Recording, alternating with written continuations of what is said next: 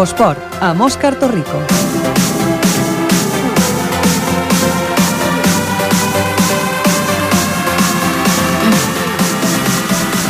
Molt bona tarda, benvinguts a l'Infoesport. Com escolteu, aquest és el programa dels esports aquí a Ripollet Ràdio. Són les 7 i 7 minuts de la tarda d'aquest dilluns 23 de març i un nou dilluns estem aquí per explicar-vos el que ha donat de si al cap de setmana esportiu. Tot el que ha passat us ho explicarem, algunes coses amb més detall.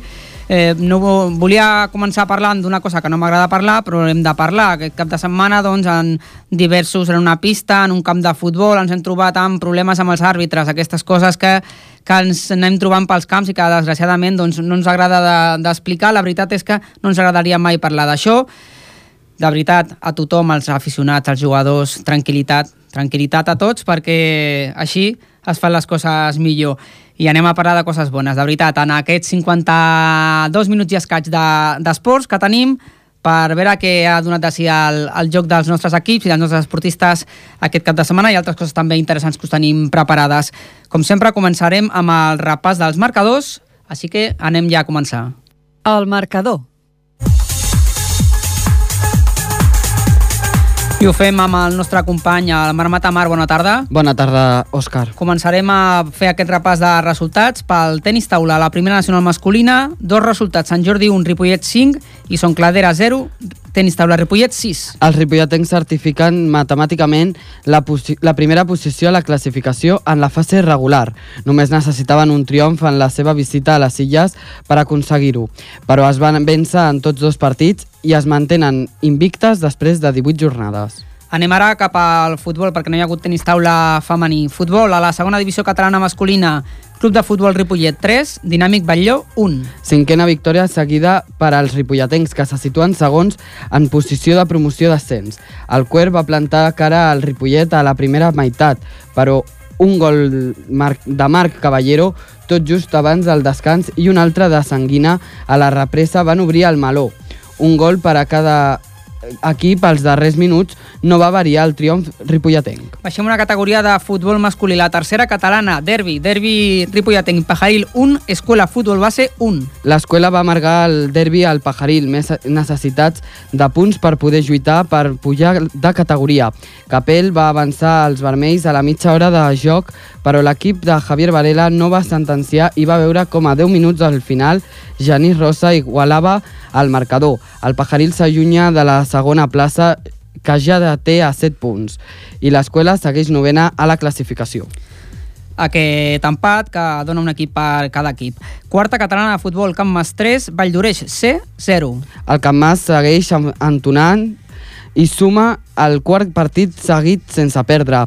Javi, Rubén i Dani González van ser els autors de tres gols que situen els ripolletens a la setena plaça, la millor classificació de la temporada. Anem ara al futbol femení, a la segona catalana, Finsó B3, Club de Futbol Ripollet femení 1. Dos gols en contra en els últims 5 minuts de la primera meitat van acabar amb la bona inèrcia de l'equip en les últimes jornades. L'equip va maquillar la, la derrota amb un gol a 10 minuts del final de Maria F Fernanda, el primer que marca a la temporada. El Ripollet femení és, és un C. Un altre resultat també en aquesta segona catalana femenina, Escola Futbol Base Femení 0, Rubí 3. L'escola va, va plantar cara al tercer classificat tot i rebre un gol als 7 minuts de joc. A la segona meitat, de nou, les visitants van marcar en els primers minuts per certificar la, la victòria al camp de l'Industrial.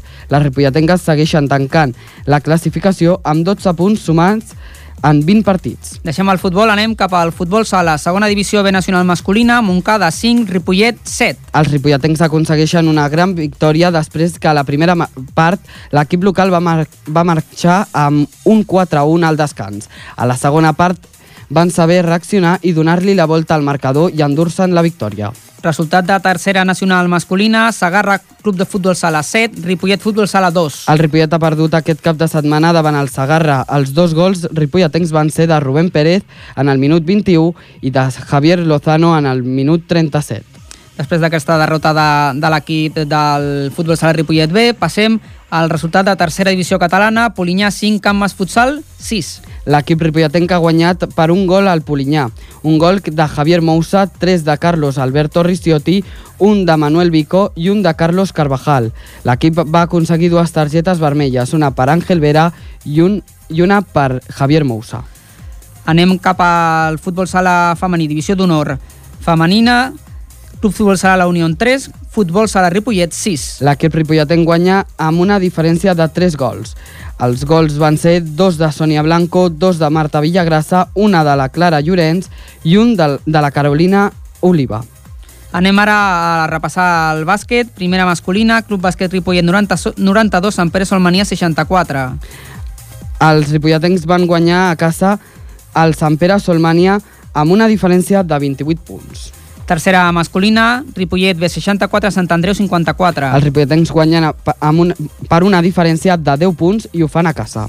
A la territorial de Barcelona femenina, Lima Horta 37, Bàsquet Ripollet 53. 53, les, perdó. Les ripolletenques aconsegueixen una nova victòria amb una diferència de 16 punts. A l'hoquei patins, segona divisió catalana, Club Hoquei Ripollet 8, Martinenc 0.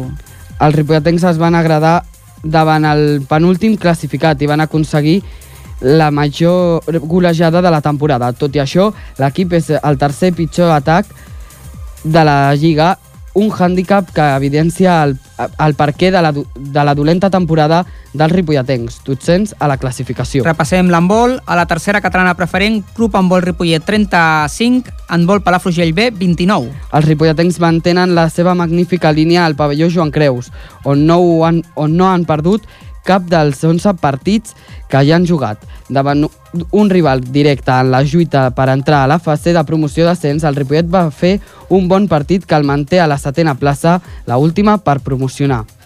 Doncs aquí acabem aquest repàs del dels marcadors. Moltes gràcies, Marc. De res. Ens retrobem d'aquí una estona Fins perquè ara. ens explicaràs alguna de, la, de les coses de l'actualitat de l'esport ripolletenc. Tenis doncs, taula, tenis taula, tenis taula. Doncs comencem.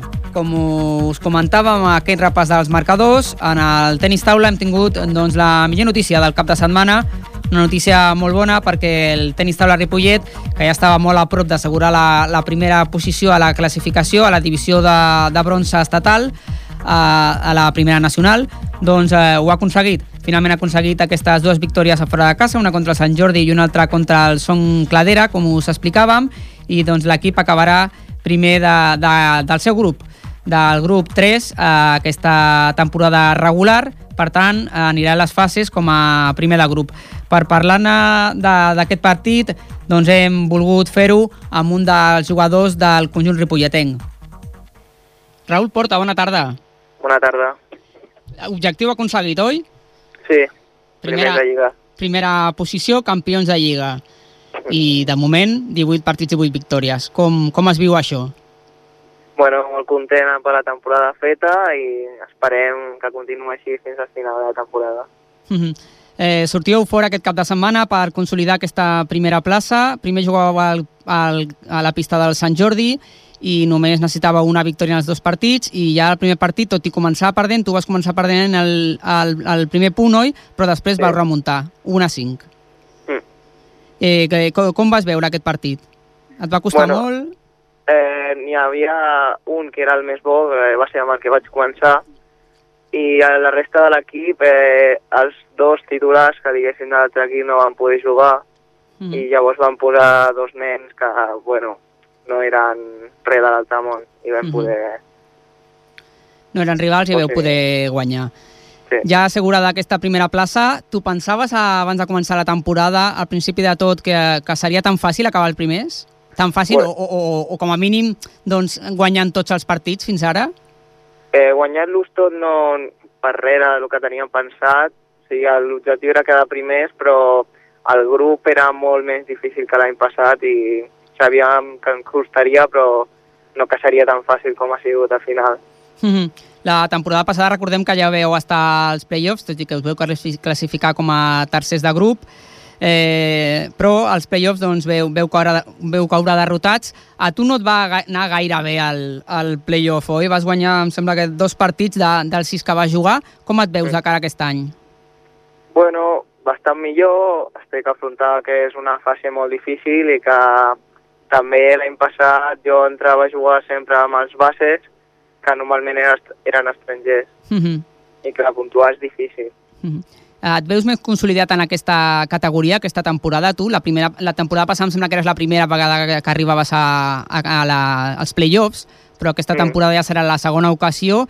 Eh, tu penses que estàs més, més preparat o com a mínim els, els nervis? Perquè també la temporada passada et va passar que vas perdre els tres primers, els tres primers partits. Crec recordar, No. eh? Contra el, contra el, contra el Vic, l'Oberena i l'Arteal. Ah, els primers, sí. Sí, els primers Sí. de, dels dos que jugaves.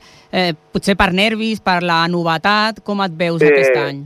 Molt, molt millor que l'any passat i sense nervis ni res.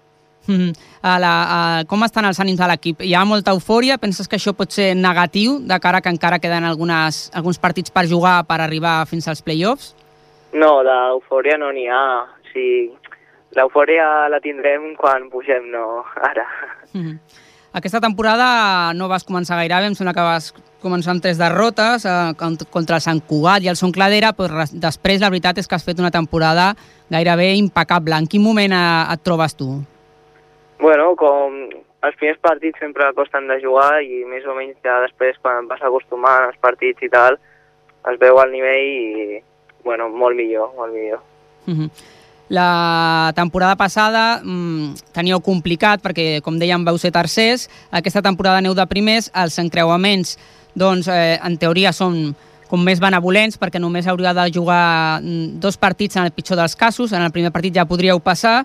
De moment, mm, els rivals, eh, de moment està classificat també el Progreso de Mòstoles, el Mijas i vosaltres i el Borges gairebé, que el coneixeu, el Borges gairebé segur que també, que també ho té. Queden dos rivals pendents, que podrien ser Mòstoles o Getafe i Alicante o Alzira. Creus que, que hi haurà molt nivell, que serà difícil aquesta primera eliminatòria contra un altre primer? Serà difícil, però n'hi ha, ha, per exemple, el Mijas, que és un rival molt, molt complicat, Uh -huh. que bàsicament és el que volem evitar a tota costa. Uh -huh. Això la sort, no? A veure si la sort ve de cara, perquè la sort a vegades Sí. també influeix. Sí. Bé, l'any passat, Mhm. els, dels primers que em podien tocar, va ser a sobte el més difícil que podia ser. Sí, el Vic a la primera fase ja, el- el veu superar, no? Sí, però de cara als primers que perdien, Uh -huh. el, el Real era el més complicat. Uh -huh. Però millor si hagués tocat un altre i haguéssim pujat. la temporada vinent, en cas de pujar, doncs l'equip eh, es veuria doncs, que de moment no hi ha molts catalans a la categoria. Hi ha l'escala que està classificat pel playoff per pujar, els, els Falcons de Sabadell, que es van classificar precisament l'any passat, doncs eh, han, han, han baixat de categoria, només quedaria doncs, el, el Calella. Penses que això pot ser negatiu perquè el club doncs, pugui permetre's tenir un equip a la, a la divisió d'honor? No, jo crec que no, que aquest any no. O sigui, anys passats sí, per problemes de diners i tal, Mhm. però aquest any no. A part, n'hi ha sis equips catalans, Uh -huh. comptant-nos a nosaltres, que volen pujar i en cas de que hi hagi la sort que pugessin, pues, serien bastants equips. Però, clar, la possibilitat de que hi hagi més equips catalans és més bene- beneficiós pel club. Uh -huh. Doncs tant de bo que hi hagi molta sort, aquests play-offs seran cap al mes de maig, mentrestant doncs, haureu d'acabar de disputar la, la temporada, doncs que arribeu molt preparats i molta sort per a aquests play-offs. Moltes Moltes gràcies. gràcies, Raül Porta, jugador de, del Club Tenis Taula Ripollet. Bona tarda. Bona tarda. Doncs uh, aquesta entrevista amb el Raül Porta i recordar que, que l'equip doncs, haurà d'enfrontar aquestes fases d'ascens i tant de bo que arribi, doncs, com dèiem, en, a, en aquesta bona situació. Continuem, passem ara a un altre esport. Futbol sala. Futbol sala. Futbol...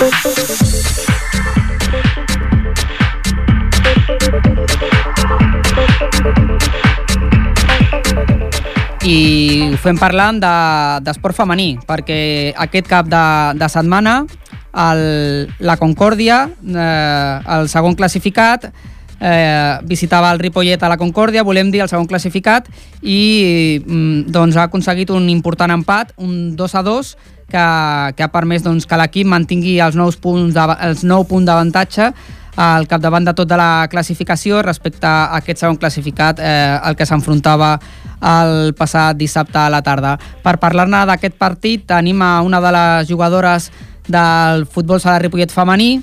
Es tracta de la Sònia Blanco. Sònia, bona tarda. Hola, bona tarda. Aquest 2-2 eh, doncs acabava amb una ratxa vostra de 15 partits seguits, 15, eh? 15 partits seguits, com, el, com escolteu, guanyant de, de l'equip. S'escapaven dos punts, però tot i això l'empat eh, és, és positiu, no?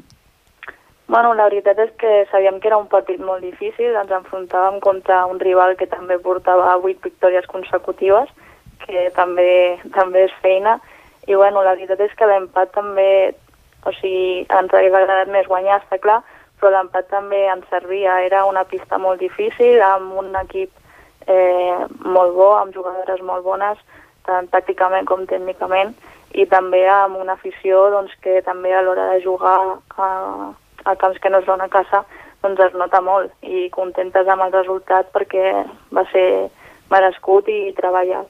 Mm -hmm.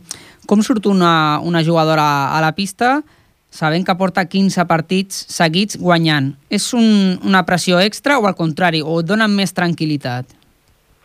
Bueno, eh, jo penso que quan nosaltres sortim a la pista en el que menys pensem és que anem primeres o que hem guanyat 15 partits. O sigui, quan surts al camp l'únic que penses és en aquell moment, en el que està passant en, a, en el partit, en el que està jugant, i el que vols és guanyar. Eh, no penses mm -hmm. si, si què passaria si no guanyessis, què passa si guanyes, al contrari, només el limites a jugar al moment i que passi el que hagi de passar.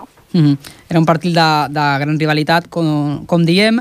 Eh, us va costar, no?, per això. Tot i això, us veu avançar amb dos gols eh, vostres, un 0 a 2, al principi de la segona part, no? Sí, bueno, la primera part, la veritat és que va ser eh, un partit, diguem, eh, amb molta rivalitat, o sigui, mm. nosaltres sabíem que, ens, o sigui, van vam tindre una tàctica una mica de doncs, estar tancats darrere a casa i doncs nosaltres no teníem, diguéssim, la pressió de, de guanyar el partit. Uh Mhm. -huh. Clar que ens hagués agradat guanyar-ho, però les que necessitaven els punts eren elles, llavors nosaltres no anàvem amb aquesta pressió. Després, la segona part, vam tindre dues ocasions i les vam ficar eh, dintre, vam ficar els dos gols i després el partit doncs, va ser més qüestió doncs, d'anar doncs, augmentant el resultat i seguir lluitant fins eh, que ens van empatar el 2 a 2. Mm, elles van reaccionar per això ràpid fent el, el primer dels dos gols. Després ja els hi va costar una mica més, però a 3 minuts, eh, una mica abans del final, no? van, van aconseguir aquest, es- a, aquest empat. En aquest partit no vas poder marcar, Sònia, però, però portes una temporada mm, bastant bona, no? Igual que la, que la temporada passada. La temporada passada vas acabar amb, em sembla que eren 21 gols en 25 partits, i en aquesta ja en portes 16 gols en, en 19 enfrontaments. Com et trobes tu? Bueno, la veritat és que, que molt contenta, o sigui, fins ara fa un mes o així eh, portava una molt bona ratxa de, en els partits, de, trobant-me molt bé en el joc, amb les companyes i marcant molts gols. Ara, per llàstima, he hagut de tallar una mica eh, aquesta ratxa per temes de malalties i tal, però bueno, espero continuar trobant-me molt bé i posar-me en forma ràpidament i continuar marcant i que sigui bo per l'equip i profitós. I quan no arriben els gols, un s'obsessiona, una s'obsessiona perquè, perquè surtin les coses o no? No hi penses? Bueno, la veritat és que no hi penso. El que, jo el que més valoro, em està clar que a qualsevol jugadora li agrada marcar gols, però jo el que més valoro és la- l'equip, o sigui, la feina que fa l'equip i que el meu treball a la pista, doncs que si no ho aprofito jo, doncs que ho, ho pugui aprofitar qualsevol altra jugadora. Que a lo Mhm. millor, o sigui, el més important a vegades no és marcar, també a Mhm. vegades et sents bé quan li dones el pas a una companya i que ho marqui ella mateixa. Mm. El futbol sala, en aquest sentit, és un esport molt, molt solidari, no? molt d'equip. Sí, bueno, està clar que quan tens un equip al darrere, eh, a lo millor tens un dia dolent, però saps que tens unes altres quatre jugadores a la pista doncs, que t'estan recolzant i, i això també doncs, doncs s'agraeix. Mm -hmm. Queden 5 jornades, crec que són, 2, 4, 5. 5 jornades només i porteu 9 punts el segon i el tercer classificat, a la Concòrdia, el que, el que veu empatar el dissabte, i també el Teià. Vosaltres teniu 56 punts i els altres dos equips tenen 47. 9 punts d'avantatge en 15 per disputar.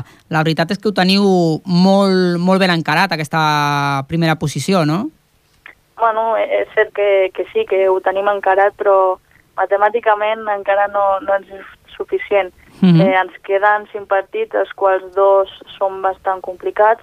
Encara hem de visitar la pista del Tallà, que és mm -hmm. el mhm. tercer classificat, empatat amb el segon, i bueno, encara no està fet. O sigui, fins no tinguem matemàticament la victòria, bueno, la guanyada d'aquesta lliga, doncs no podrem cantar victòria, no? Mm -hmm. Jo, hem de seguir amb aquest treball. Aquest partit és a la, serà la propera visita que fareu d'aquí a, a dues jornades, serà tot just després de la, de la Setmana Santa. Aquell partit eh, serà ja decisiu, segurament, no?, perquè, perquè estareu a tres jornades de, del final de la competició, no?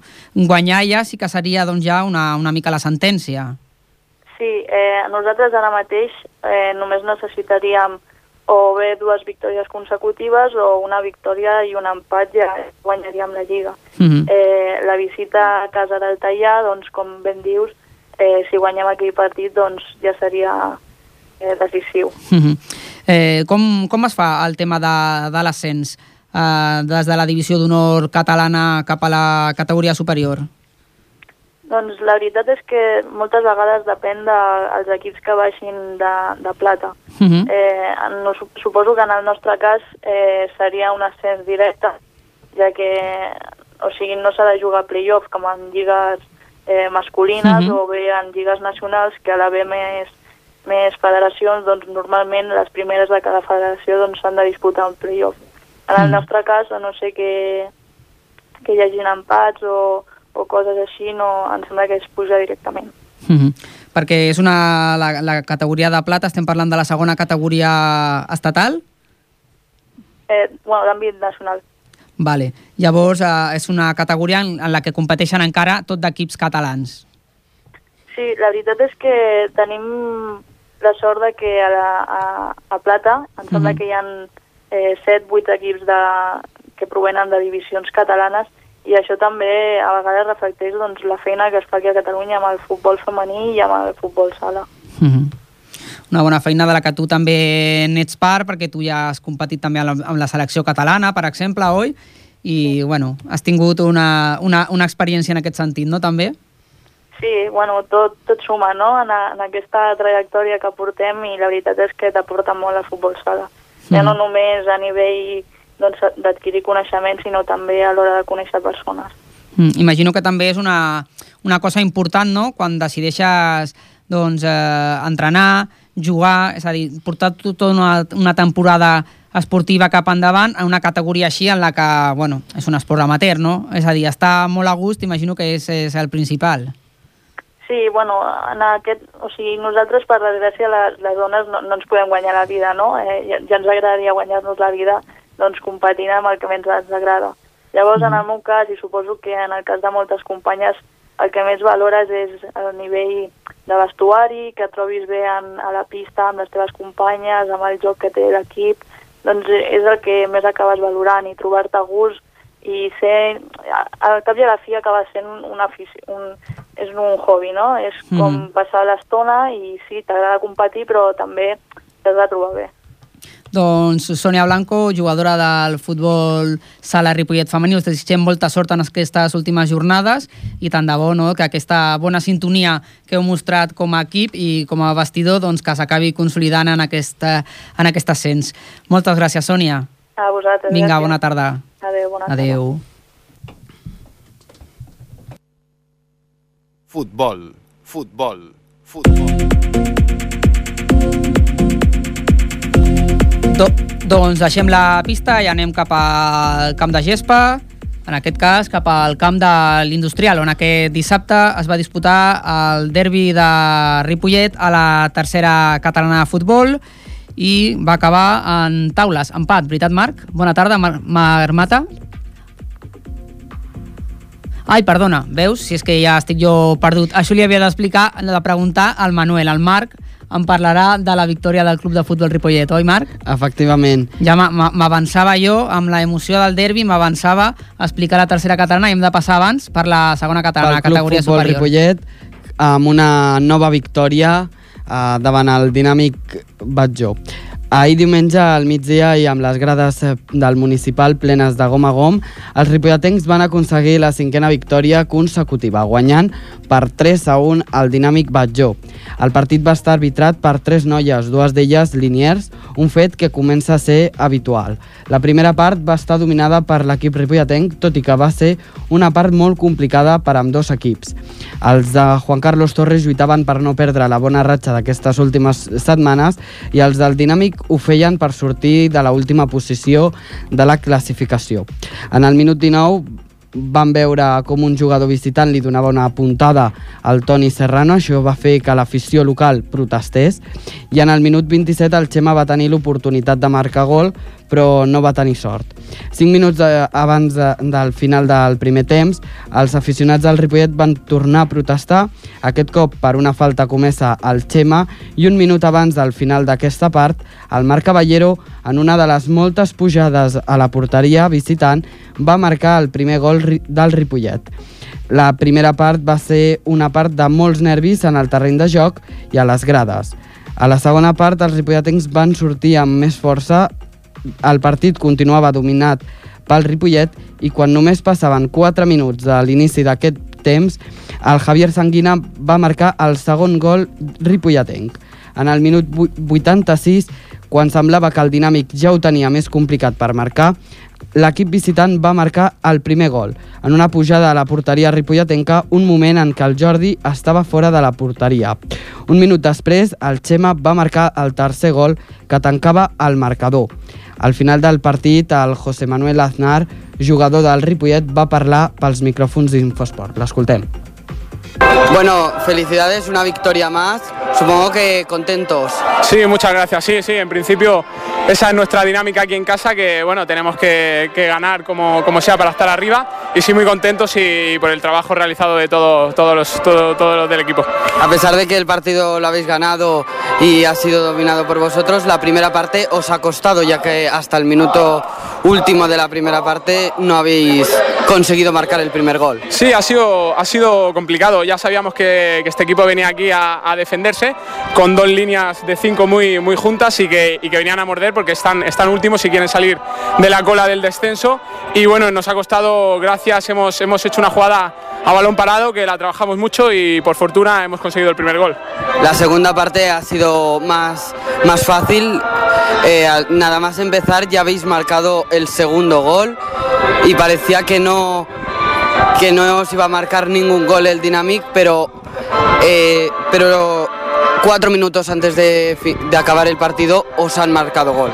Sí, sí, en principio hemos salido con una mentalidad de segunda parte para, para poder matar el partido.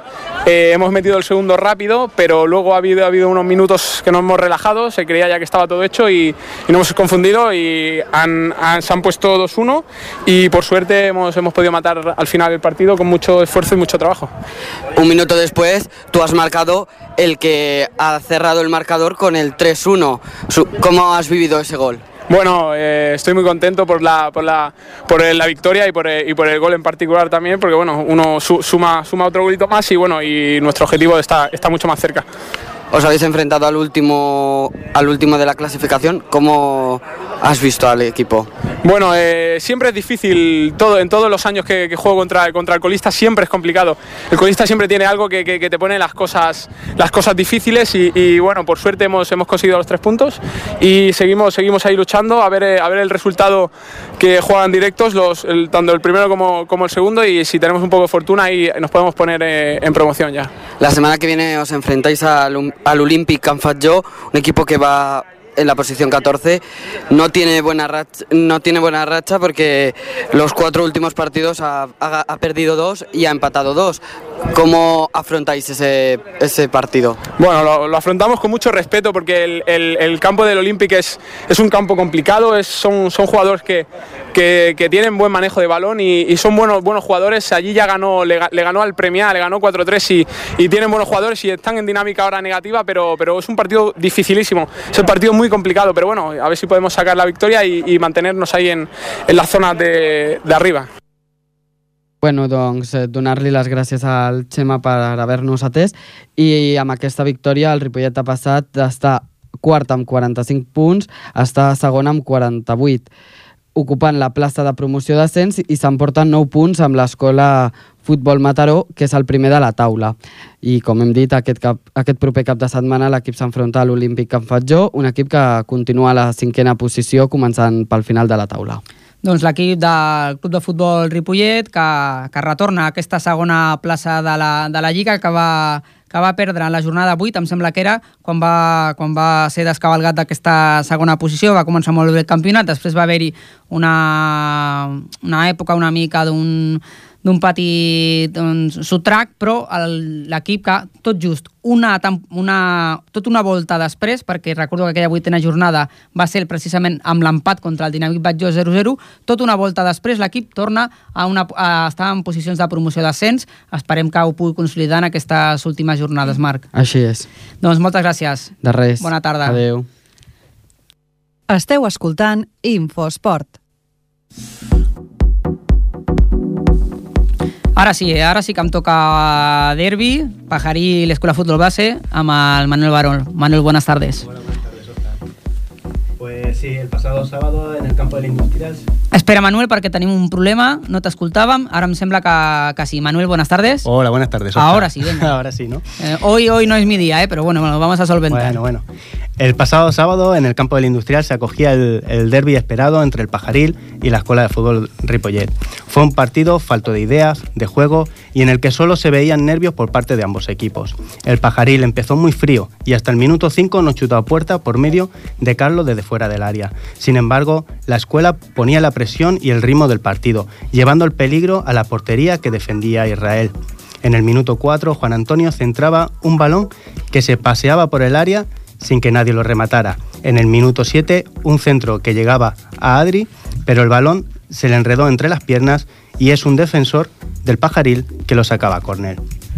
En el minuto 10, una buena jugada de la escuela en un contraataque que, Mi- que Miguel Romero dispara y sale rozando el larguero. En el minuto 20, el árbitro pita un penalti a favor del pajaril, pero Quique falla el lanzamiento. En el minuto 27, un córner lanzado por la escuela lo remata Genís y Israel saca de debajo de los palos. En el minuto 30, eh, un balón que recupera Arnold y deja a Carlos, el cual centra a Quique, quien con una hermosa vasalina sobrepasa al portero para poner el 1-0. Minuto 32, otra ocasión elaborada por el equipo del Pajaril sale rozando el palo izquierdo tras un remate que chuta Quique. En el minuto 36, un contraataque de la escuela, en que Adri se queda solo ante Israel, que intercepta el disparo y un defensor saca córner. Eh, tras muchos nervios por parte de ambos equipos, llegamos al descanso. El segundo tiempo fue un partido muy tosco y falto de ideas. En el minuto 48, un, remate de Genís, tras un centro de Juan, sale rozando el larguero. En el minuto 51, remata de cabeza, un remate de cabeza de Amadeo que detiene el portero de la escuela. En el minuto 65, la falta de juego y de ideas por parte de ambos equipos hace que Carlos, por parte del Pajaril, se tire al borde del área entre tres defensas para confundir al árbitro y este le muestra la tarjeta. Tres minutos más tarde, Carlos nuevamente en una jugada muy tonta recibe la segunda y deja a su equipo con un jugador menos. En el minuto 78 llega el gol de la escuela tras el lanzamiento de una falta desde el medio del campo que baja, que baja Genís para disparar y para poner el empate. En el minuto 87 llegó la mejor jugada del Pajaril en todo el segundo tiempo, por medio de un centro de Ismael que se pasea por el área sin que nadie lo remate. Al final, repartición de puntos. Doncs ese reparto de puntos 1-1 y creo que tenemos a uno de los jugadores de la Peña Deportiva Pajaril al otro lado del teléfono. Sí, a Israel, al portero. A Israel, eh, Israel Paloma, buenas tardes. Eh, hola, buenas tardes. Manuel. Hola, buenas tardes, Israel. ¿Cómo estamos? Bien, bien, aquí, bueno, después del derby. bueno, hoy- mira Israel, eh, varias preguntitas te queríamos hacer, ya que el sábado fue todo muy caótico y me dijo Javier que mejor que, que os llamáramos en directo. Eh, dos empates ya seguidos. eh, bueno, en el- tres, tres, tres, bueno. creo, ¿no? Tres, sí, tres empates seguidos, han Tre- escapado seis puntos. Tres empates seguidos. En el, en el derby eh, no se puso intensidad, no, fue, no fuiste ya por el partido como normalmente nos tenéis acostumbrados. Eh, ¿Qué está pasando al pajaril? ¿Está falto de ideas? ¿Se le está haciendo Eh, larga la competición? Bueno, eh, la verdad es que llevamos unos cuantos partidos pues que no nos sale las cosas como realmente nosotros queremos. Intentamos siempre salir jugadores de atrás y hay, bueno, hay unas cuantas semanas pues que no nos salen del todo las cosas, no como nosotros quisiéramos. Bueno, tampoco es que estuviéramos falto de ideas. Lo que pasa que fue un partido que la de FUB ya sabe a lo que jugamos nosotros, ¿no? Y todo pues anularnos por donde pues por donde más nos cuesta, que es un pelín por detrás que nos cuesta bastante salir jugar desde atrás. Nosotros lo intentamos, pero nos cuesta un poco. Llevamos tantos partidos, pues que, que sí, la verdad es que nos cuesta bastante. Eh, la verdad que yo estuve viendo el partido y a pesar de que ibais ganando 1-0 en el descanso, yo lo que sí que vi que en el segundo tiempo empezaste a retener mucho el balón, o sea, en vez de ir a matar el partido, o sea, retuvisteis mucho el balón, queríais perder tiempo y, y esto os podía perjudicar porque un 1-0 no, no te asegura nada. No, y sí, la verdad es que Javier Varela en el descanso nos dijo de ir a matar el partido, pero lo que pasa que es que fue un partido muy extraño, es que no nos salía nada, no que no, est- no estábamos metidos en el partido, la verdad. No, Empezando por el no penalti fallado, nada. ¿no? A la primera parte el penalti fallado. Sí, No. fallamos un penalti, Luego en la segunda parte expulsan a, Carlos, ¿no? Y, eso- o sea Sí, que... Eso ya la verdad que ya nos mató. Y ya luego el 1-0 Ujú. y ya luego al final pusimos defensa para volcarnos arriba para intentar pues sacar los tres puntos porque la verdad es que el empate a nosotros no nos valía de nada. Nosotros necesitamos los tres puntos para seguir arriba. Sí. Ahora ya se nos han escapado un poco en los de arriba, pero bueno, son cosas del fútbol, cosas que pasan. Pues, ¿y cómo lo veis ahora? Ahora que se ha escapado ya el segundo clasificado a siete puntos ya. A siete puntos, La verdad sí. es que en tres jornadas estabais a un punto y ahora ya estáis a siete. Sí, La verdad sí. es que ya se ha puesto muy, muy complicado, ¿eh? Es una pena. Bueno, sí, a ver, eh, igualmente, mientras hayan esperanzas y las matemáticas no nos digan que no se pueden, nosotros vamos a seguir intentándolo. Mientras Eso hay vida y claro. esperanza. Hombre, claro, claro, siempre, siempre va a haber esperanza. Ahora yo pienso que los que os toca, no sé si vosotros eh, eh, tras los partidos, en cada entrenamiento cuando volvéis, empezáis a analizar mm, dónde han estado los fallos, qué es lo que ha pasado y, y empezáis a, a moldear un poco al equipo. Sí, sí, claro, sí. Cuando empezamos los martes a entrenar siempre hablamos sobre el partido, a ver qué tal ha ido, dónde hemos cometido los fallos y durante esa semana intentamos pues eh, que para la semana siguiente pues que no vuelva para que no volvamos a cometer los mismos fallos. Seguro que Javier Varela mañana os tiene preparado eh, una charla con algunas cosas, porque como nos Sí. comenta Manuel, ¿no? Seguro que hay, que hay cosas que se pueden mejorar, más que nada porque, porque hay que reaccionar ya, ¿no? No hay más, Sí, no hay más sí, tiempo. ya no ya no se puede fallar. Ahora quedan unos 20 y algo de puntos y hay que sacar lo máximo posible para pues para intentar hacer este año algo grande, ¿no? En el Pajarí, ya que nunca está en segunda catalana ni nada, a ver si este año lo conseguir. La verdad que eh, tal y como había comenzado el año, a mí Javier mm, cada sábado cuando iba me decía que, que habíais tenido problemas con, compañeros por lesiones y tal, y bueno, encontráis en la situación en la que os encontráis y, yo tal y como vi el derby es lo que te digo, o sea, ya llevamos tres empates, eh, nos está costando un poquito el, poder alcanzar la- lo que queríamos desde el inicio, ¿no? Sí. Sí, sí, bueno, siempre tenemos muchas bajas. Yo, por ejemplo, hasta hace poco, bueno, yo unos cuantos partidos sin jugar porque te- trabajaba de tarde y no puedo ir a entrenar, lesiones, otros jugadores que por temas de trabajo tampoco pueden venir. Y al principio de temporada empezamos 20, 20 jugadores o 21 y ahora somos pues casi justos para ir a los partidos. ujú. Bueno, a ver si Somos estás- 18 19 jugadores, pero entrenando somos a lo mejor 13 o 14 ujú. por temas de trabajo, porque, claro, ya al no ser tan profesional, la gente pues ne- tiene sus trabajos, tiene sus cosas y hay veces pues que no pueden venir. El deporte amateur no es fácil.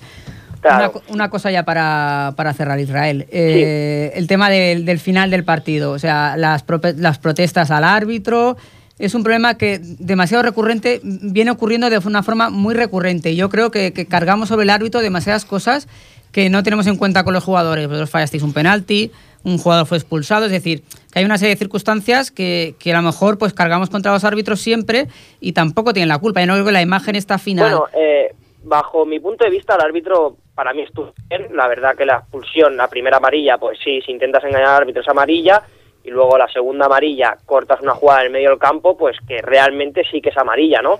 Y el penalti fue, para mí el penalti fue bastante claro porque tenía, uh -huh. fue un poco involuntaria, ¿no? Pero tenía la mano arriba y le dio la mano. Uh -huh. Pues para mí sí que es penalti.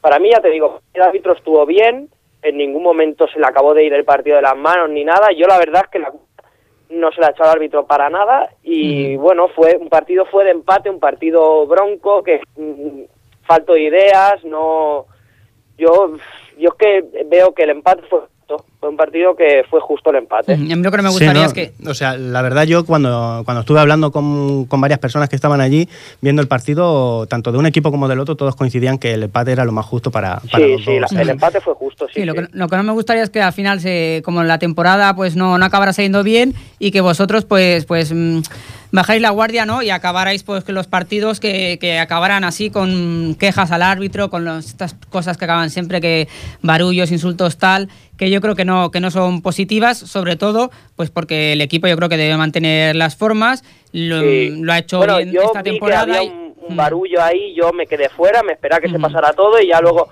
me fui con mi ex compañero Lavide para arriba. Efectivamente, lo que te quería decir yo, que la imagen que lo, con la que me quiero quedar de este partido y de toda la temporada es con el abrazo de David Olavide y con Israel Paloma al final del partido, es decir, rivales dentro del campo, en cuanto acaba el partido, ex compañeros en el Club de Fútbol Ripollet y abrazados. Sí. Esta es la imagen que nos queremos quedar de, de, estos partidos, porque en el fondo, pues esto es un deporte, ¿eh? estamos jugando y nos, no nos estamos jugando la vida tampoco. Así claro, que claro. con esta imagen la, la que nos queremos quedar.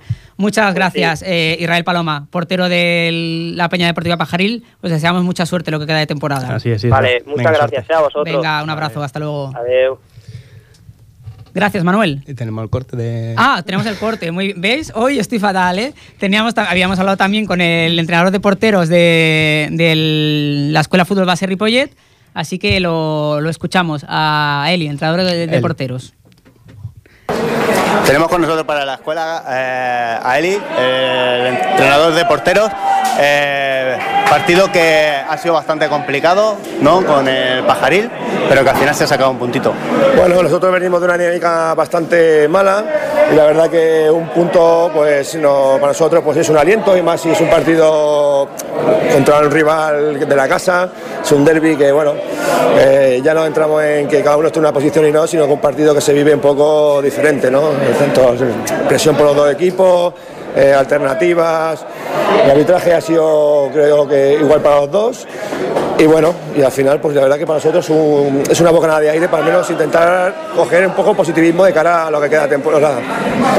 La verdad que se han pasado muchísimos nervios y yo por lo que he podido ver, o sea, la escuela ha puesto muchísimo más empeño que el pajaril, ¿no? Por ejemplo, se han visto muchísimas jugadas por parte de la escuela, parecía que el gol no llegaba, pero al final ha llegado ¿No? Nosotros hemos tenido ocasiones, lo que pasa que no rompíamos la lata, eh, hemos aguantado muy bien los 10 primeros, minutos, les, sabíamos que eran difíciles de aguantar, pero nosotros ya te digo que venimos con muchas lesiones, muchas, arrastramos muchas carencias.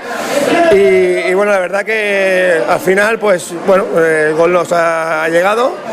Y, bueno, en cuanto a alternativa, pues bueno, nosotros creo yo que hemos tenido un poquito más de, posición, un poquito más saber a ellos, más la intensidad, nosotros un poquito más eh, saber a lo que jugamos y, bueno, y ahí creo yo que está el resultado.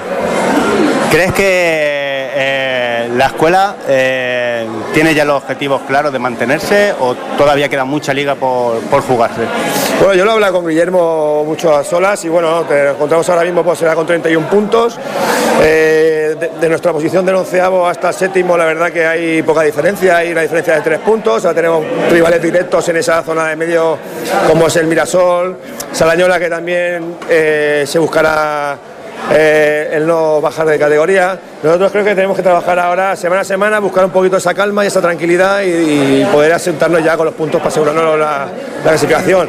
Está claro que como equipo eh, siempre nos gusta quedar un poquito más arriba, ¿no? Y si mejor que 11, el séptimo, y si es mejor el quinto, un poco lejos, pero si podemos estos, estos, ¿verdad? Pues nada, suerte para el próximo partido, Ali. Muy bien, muchas gracias.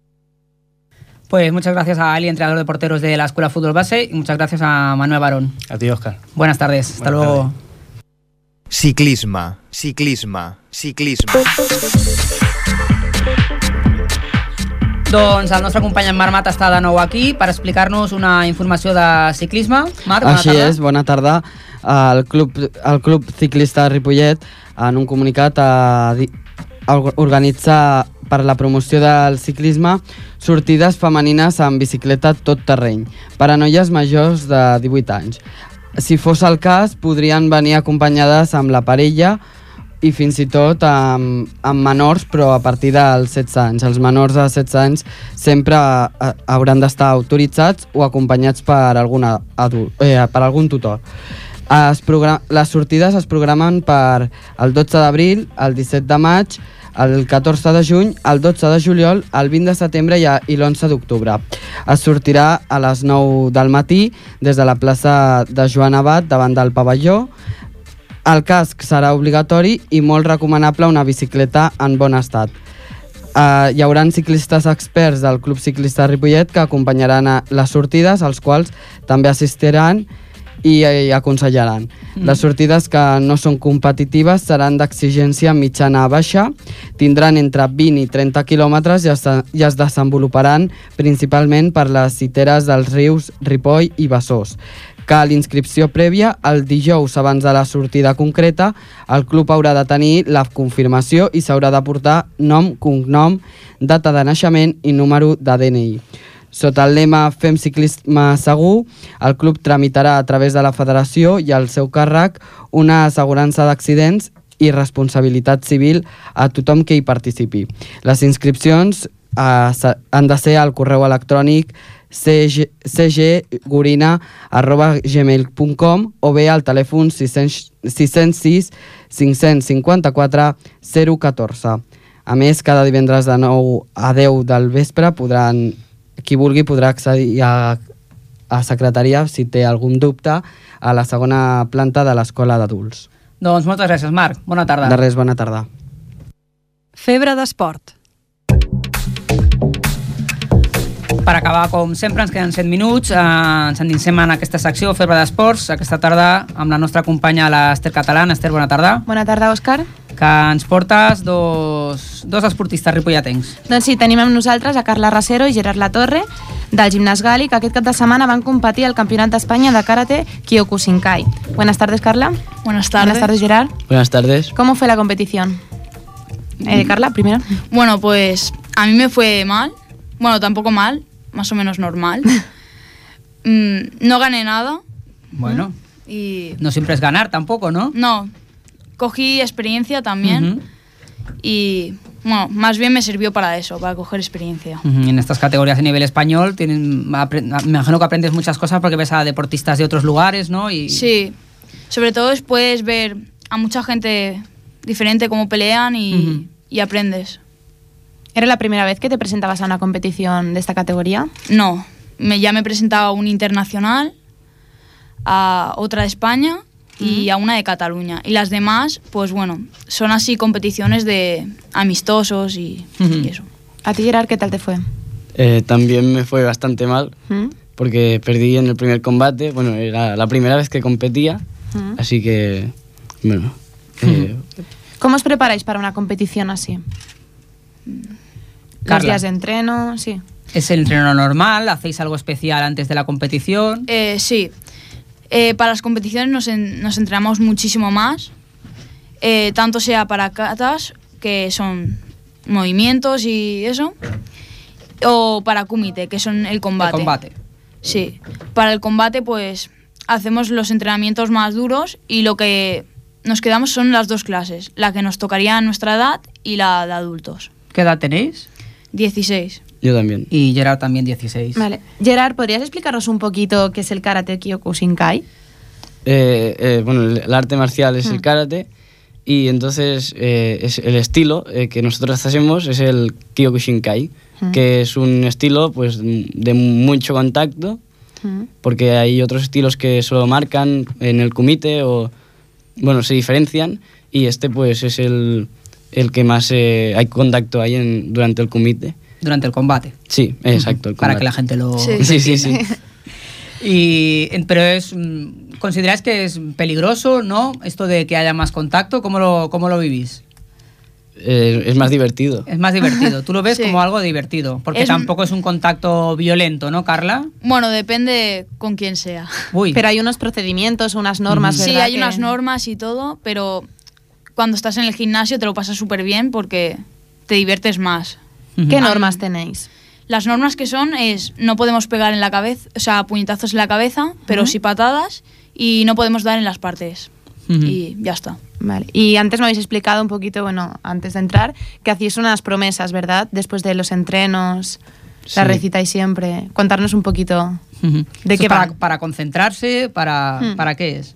son lo que prometemos y Ujú. tenemos que seguir si queremos ser buenos karatecas, porque, bueno, y si no, no podemos avanzar en el arte marcial, Ujú. que es lo básico. Y ¿Y creéis que os sirve para la vida cotidiana esto? Las Mucho. promesas, ¿sí? sí, mucho. Muy bien. A pesar de que, de que sea esto, de que haya mucho contacto, ¿creéis que existe deportividad en el, en el karate? Sí, sí, sí, porque un respeto al contrincante, siempre pues nos saludamos cuando acaba el combate, Hmm. al, al entrenador del otro, del contrincante, y pues nunca, bueno, yo nunca he visto que, que alguien se, se ponga violento co- con el otro, como a veces pues se ve en otros deportes. Ujú. Hay Eh, mucho tenemos respeto. una reciente este fin de semana el combate este de del mexicano, este, este hombre que ha, que ha fallecido, ¿no? Estas cosas como más espectaculares, pero que al final sí que resisten una, una violencia. Aunque ah, Carla nos decía antes que a veces sí que hay alguna jugador, alguna luchadora, pues que a lo mejor pues excede, ¿no? Sí, pero yo creo que al final del combate ya está, ya está todo arregl- arreglado. y Ujú. Porque, por ejemplo, a mí, eh, con una del comba- que casi en todas las competiciones me la encuentro, siempre nos saludamos y hace hasta hace poco nos hemos estado peleando siempre y, Ujú. y hemos acabado amigas. ¿Qué creéis que es lo más duro de este deporte?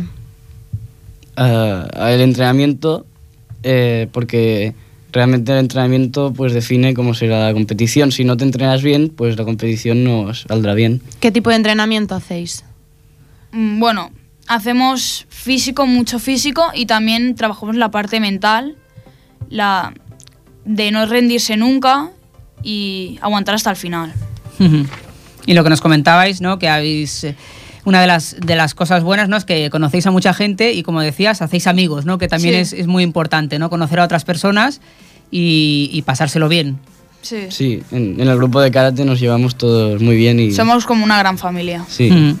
Pues con esto nos quedamos. Os agradecemos que hayáis venido aquí y que nos expliquéis pues, pues esta experiencia tan positiva de practicar deporte, que es lo que intentamos transmitirle también a, a nuestros oyentes. Muchas gracias, Carla Rasero, Gerard Latorre. Gracias por haver venido. Gràcies, Esther. Gràcies a tu, Òscar. Ens retrobem eh, la propera setmana, no, perquè ja comença el període de Setmana Santa. Tornarem el 13 d'abril. Ens prenem un petit descans abans d'afrontar ja el final de la temporada que promet ser molt, molt emocionant. Doncs fins al proper 13 d'abril. Que vagi bé. Ens veiem.